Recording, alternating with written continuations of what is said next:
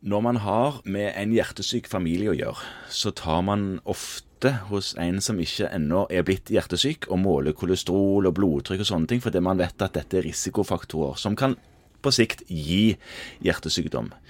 Og jeg tenkte vi skulle snakke litt om i dag, når tid det kan være greit å snakke om alkohol hos en som er syk. Og igjen, siden vi skal snakke om alkohol, har vi med oss Torgeir Giljeli, som er forsker på dette med alkoholforbruk.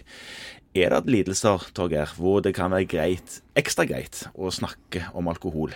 Ja, det er veldig, veldig mange, og det er mange av de vanlige tingene hvor det er fornuftig. Jeg holdt på å si, Er det noen tilstander som ikke er viktig å snakke om alkohol? Det er jo noen tilstander hvor det er mindre viktig enn andre, ja. men det er jo ikke noen tilstander hvor det ikke kan spille inn, nesten. Altså det, for det er jo noe med alkohol som rusmiddel. Det er jo det eneste rusmiddelet som kan påvirke alle kroppens organsystemer, fra helt ytterst til helt innerst. Blir jo ofte gjennommarinert i det.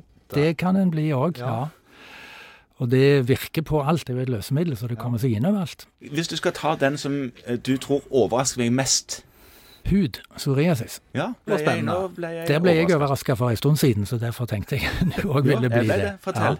Ja. Og det handler ikke om at en får psoriasis selvfølgelig av alkohol, men at det forverrer hvis du jo mer du drikker, jo verre vil psoriasisen bli. Sånn at det, det, påvirker hvordan det er for deg. Og så er jo alle folk forskjellige. Så du kan jo ikke ta to pasienter med psoriasis og si at han har verre psoriasis, derfor drikker han mer. Det er ikke sånn. Moni Leichenstein, eller fly, eller hvordan det var? Nei. Nei, altså du kan ikke sammenligne ulike mennesker, for vi er ulike på alle vis og har ulik sårbarhet. Men sånn, for den enkelte pasienten så vil det å drikke mer kunne forverre psoriasis. Og hvis du har en pasient med psoriasis, så en periode blir verre, så blir det derfor feil å ikke snakke litt om alkohol. Og høre kan det være du har gjort noen endringer der, eller kan det være at du kanskje har drukket litt mer enn du burde over veldig lang tid, og så begynner det å gi en effekt nå. Så det å ikke snakke om alkohol med en pasient som blir verre i sin psoriasis, er litt dumt. Men må de være avholdende, da, psoriasispasienten? Nei, nei. Men du trenger ikke ha et skadelig høyt forbruk for at det skal forverre psoriasis, eller? Det kommer helt an kommer på, helt an. for det er jo igjen veldig uh, individuelt. Og vi vet, jo, altså, vi vet jo fra selskapsgiver at folk tåler forskjellige mengder, og det har jo både med tilvenning å gjøre. Hvis du drikker mye over tid, så tåler du mer, og noen syns det er positivt, og noen syns det er negativt. Men i utgangspunktet er vi jo òg forskjellige som mennesker, og vi er forskjellige sjøl over tid. Altså Det som jeg tåler i én fase i livet fordi jeg er i god form og har det bra og er rimelig på plass, det tåler jeg kanskje ikke i en annen fase av livet hvis jeg strever i uh, jobb eller i samliv eller uh, sover dårlig eller har begynt å feile noe annet. Sånn at uh, vi kan liksom ikke si noe eksakt om hva folk tåler. Vi må utforske det litt og så finne ut kan, kan det være noe aktuelt hos deg. Men du Kristian, jeg vet du stiller alltid spørsmål om alkohol til disse diabetikerne og sånne ting. Ja. Er det andre du ofte kommer innom dette på? Det er jo de, og så er det jo selvsagt alle disse som har noe sånn leversykdom og lignende. Mm. Uh, og hjerte-kar. Ja. Og så er det veldig viktig hos de som har økt bruddrisiko. Uh, de stiller vi også disse spørsmålene om. Sånn at det ligger jo inne der. Men jeg har heller ikke tenkt på det som en sånn faktor under aktuell forverrelse mm. av en del tilstander. Så jeg tenkte, det, Kunne det være en grei huskeregel å ta med seg? At hvis en kronisk sykdom blir mm. forverret mm. over en periode ja. altså Du er jo vant til det hvis du f.eks. har noen som bruker marihuana. Mm. Så er jo det, det en av de tingene du alltid spør om. Mm. ikke sant? Nå, nå har INR-en gått fra 2,0 til 4,5 mm. siden sist kontroll, og ingen vet hva som har skjedd. Mm. Da er det på en måte Har du begynt å spise bare salat, eller sluttet å spise bare salat, eller drikker du mer? Altså, Da er det ganske naturlig å spørre mm. om det. Men ellers så tror jeg nok ikke mange av fastlegene tenker på det ved en forverrelse av en tilstand. Det er et veldig godt poeng, det du sier der. Og, og så er det jo òg sånn, altså Vi har jo som leger og, og andre folk flest òg har liksom noen forestillinger om hva alkoholproblemer er, hva en alkoholiker er, hva en misbruker er. Og så ser vi etter det, og så er vi ganske gode de gangene vi ser det. Men for de aller fleste som har et alkoholforbruk som påvirker helsa deres, så er de jo verken eh, avhengige eller misbrukere. Nei. Men de drikker litt mer enn de burde i forhold til hvordan de har det. Hva kroppen deres tåler. Ja, så vi kan ikke vente på å se at vi skal liksom kjenne igjen alkoholikeren for å snakke om alkohol, for dette handler i de fleste tilfellene om vanlige folk med vanlige helseproblemer. Jeg mener en gang jeg hørte et foredrag med en uh, rusforsker som sa det at de kontinentale landene som har et drikkemønster som, som vi kanskje på et tidspunkt egentlig etterstrebte å få litt mm. mer av for å få litt mindre helgeføl, opp oppga at de hadde en god del alkoholrelatert sykdom som vi har mindre av i Norge. Kan du si noe om hva de vanligste av disse er? For det er vel sykdommer vi nå bør begynne å bli litt mer obs på?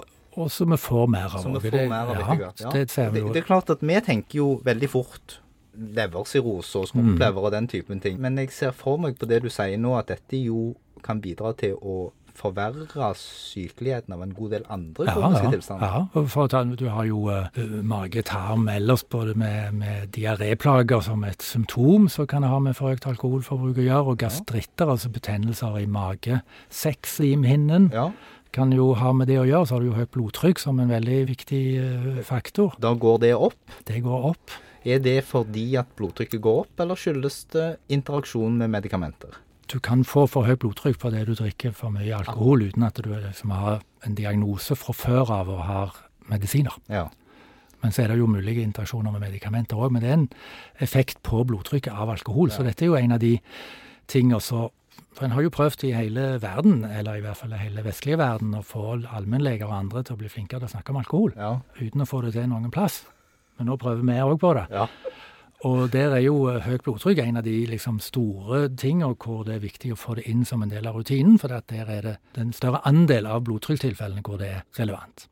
Og Så har du jo bukspyttkjertelbetennelser som litt mer spesielle ting, men en annen side av dette er jo alle de vanlige tingene med søvnvansker og depresjon, angst, sånne ting, hvor alkohol ikke trenger å være en årsak, men medvirkende eller kompliserende faktor.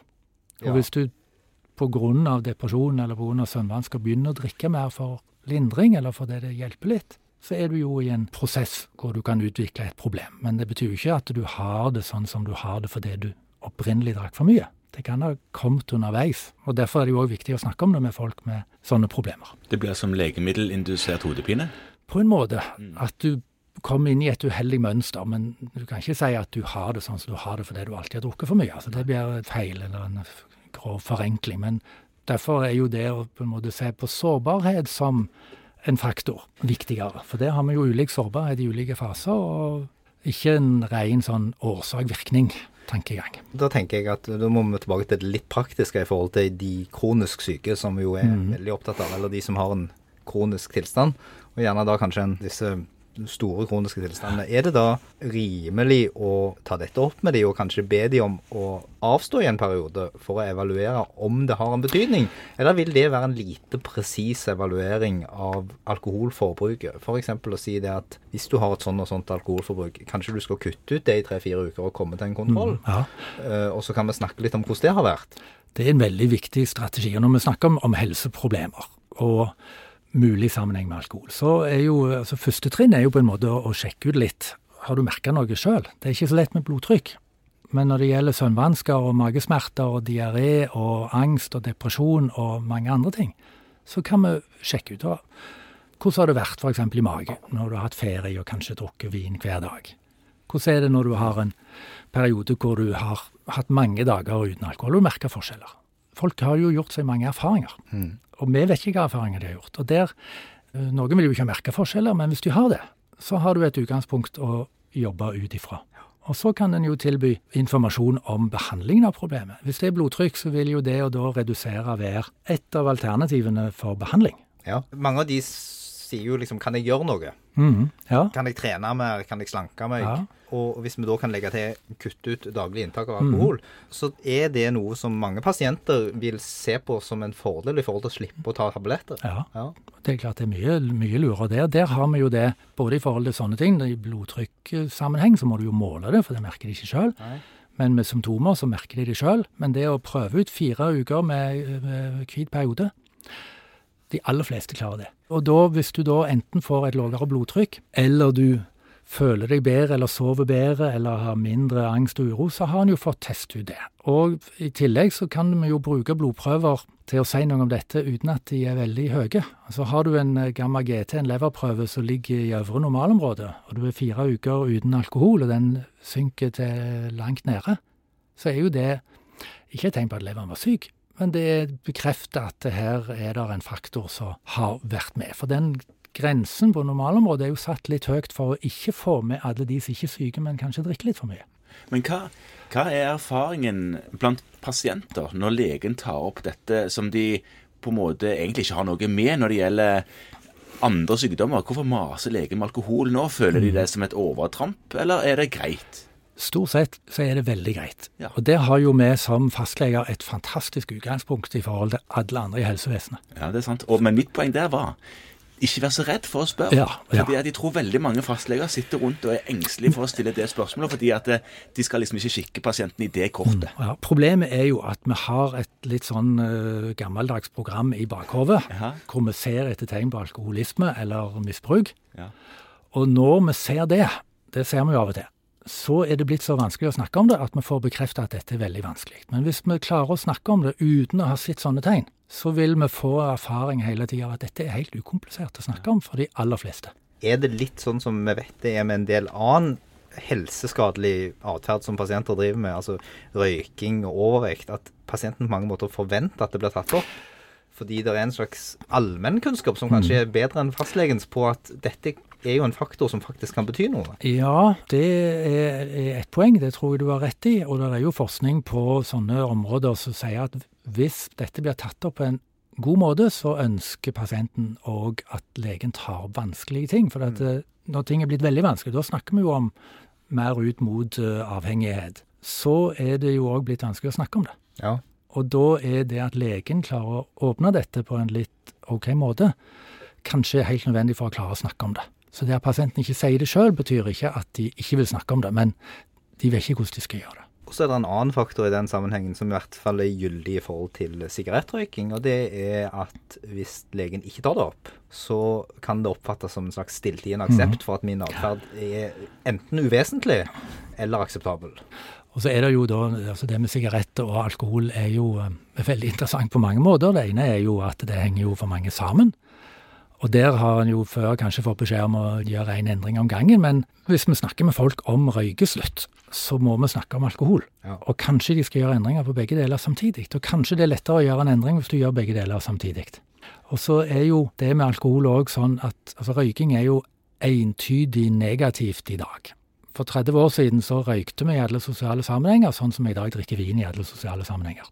Da var det en, en vanlig ting. Nå er røyk udefinert. Mens alkohol er jo i de fleste settingene en positiv ting. Det er ikke sånn at alle er innforstått med at alle må drikke mindre. Det, det er en, en positiv faktor for mange i veldig mange sammenhenger. Og det gjør at det er veldig annerledes å snakke om det enn å snakke om røyking eller trening eller å spise sunt. Og det gjør òg at en kommer mer inn i toucher mer borti egne praksiser og egne holdninger og verdier òg, som kanskje ikke alltid er like gjennomtenkte eller avklarte, og som gjør at vi da som leger skygger mer unna enn vi burde.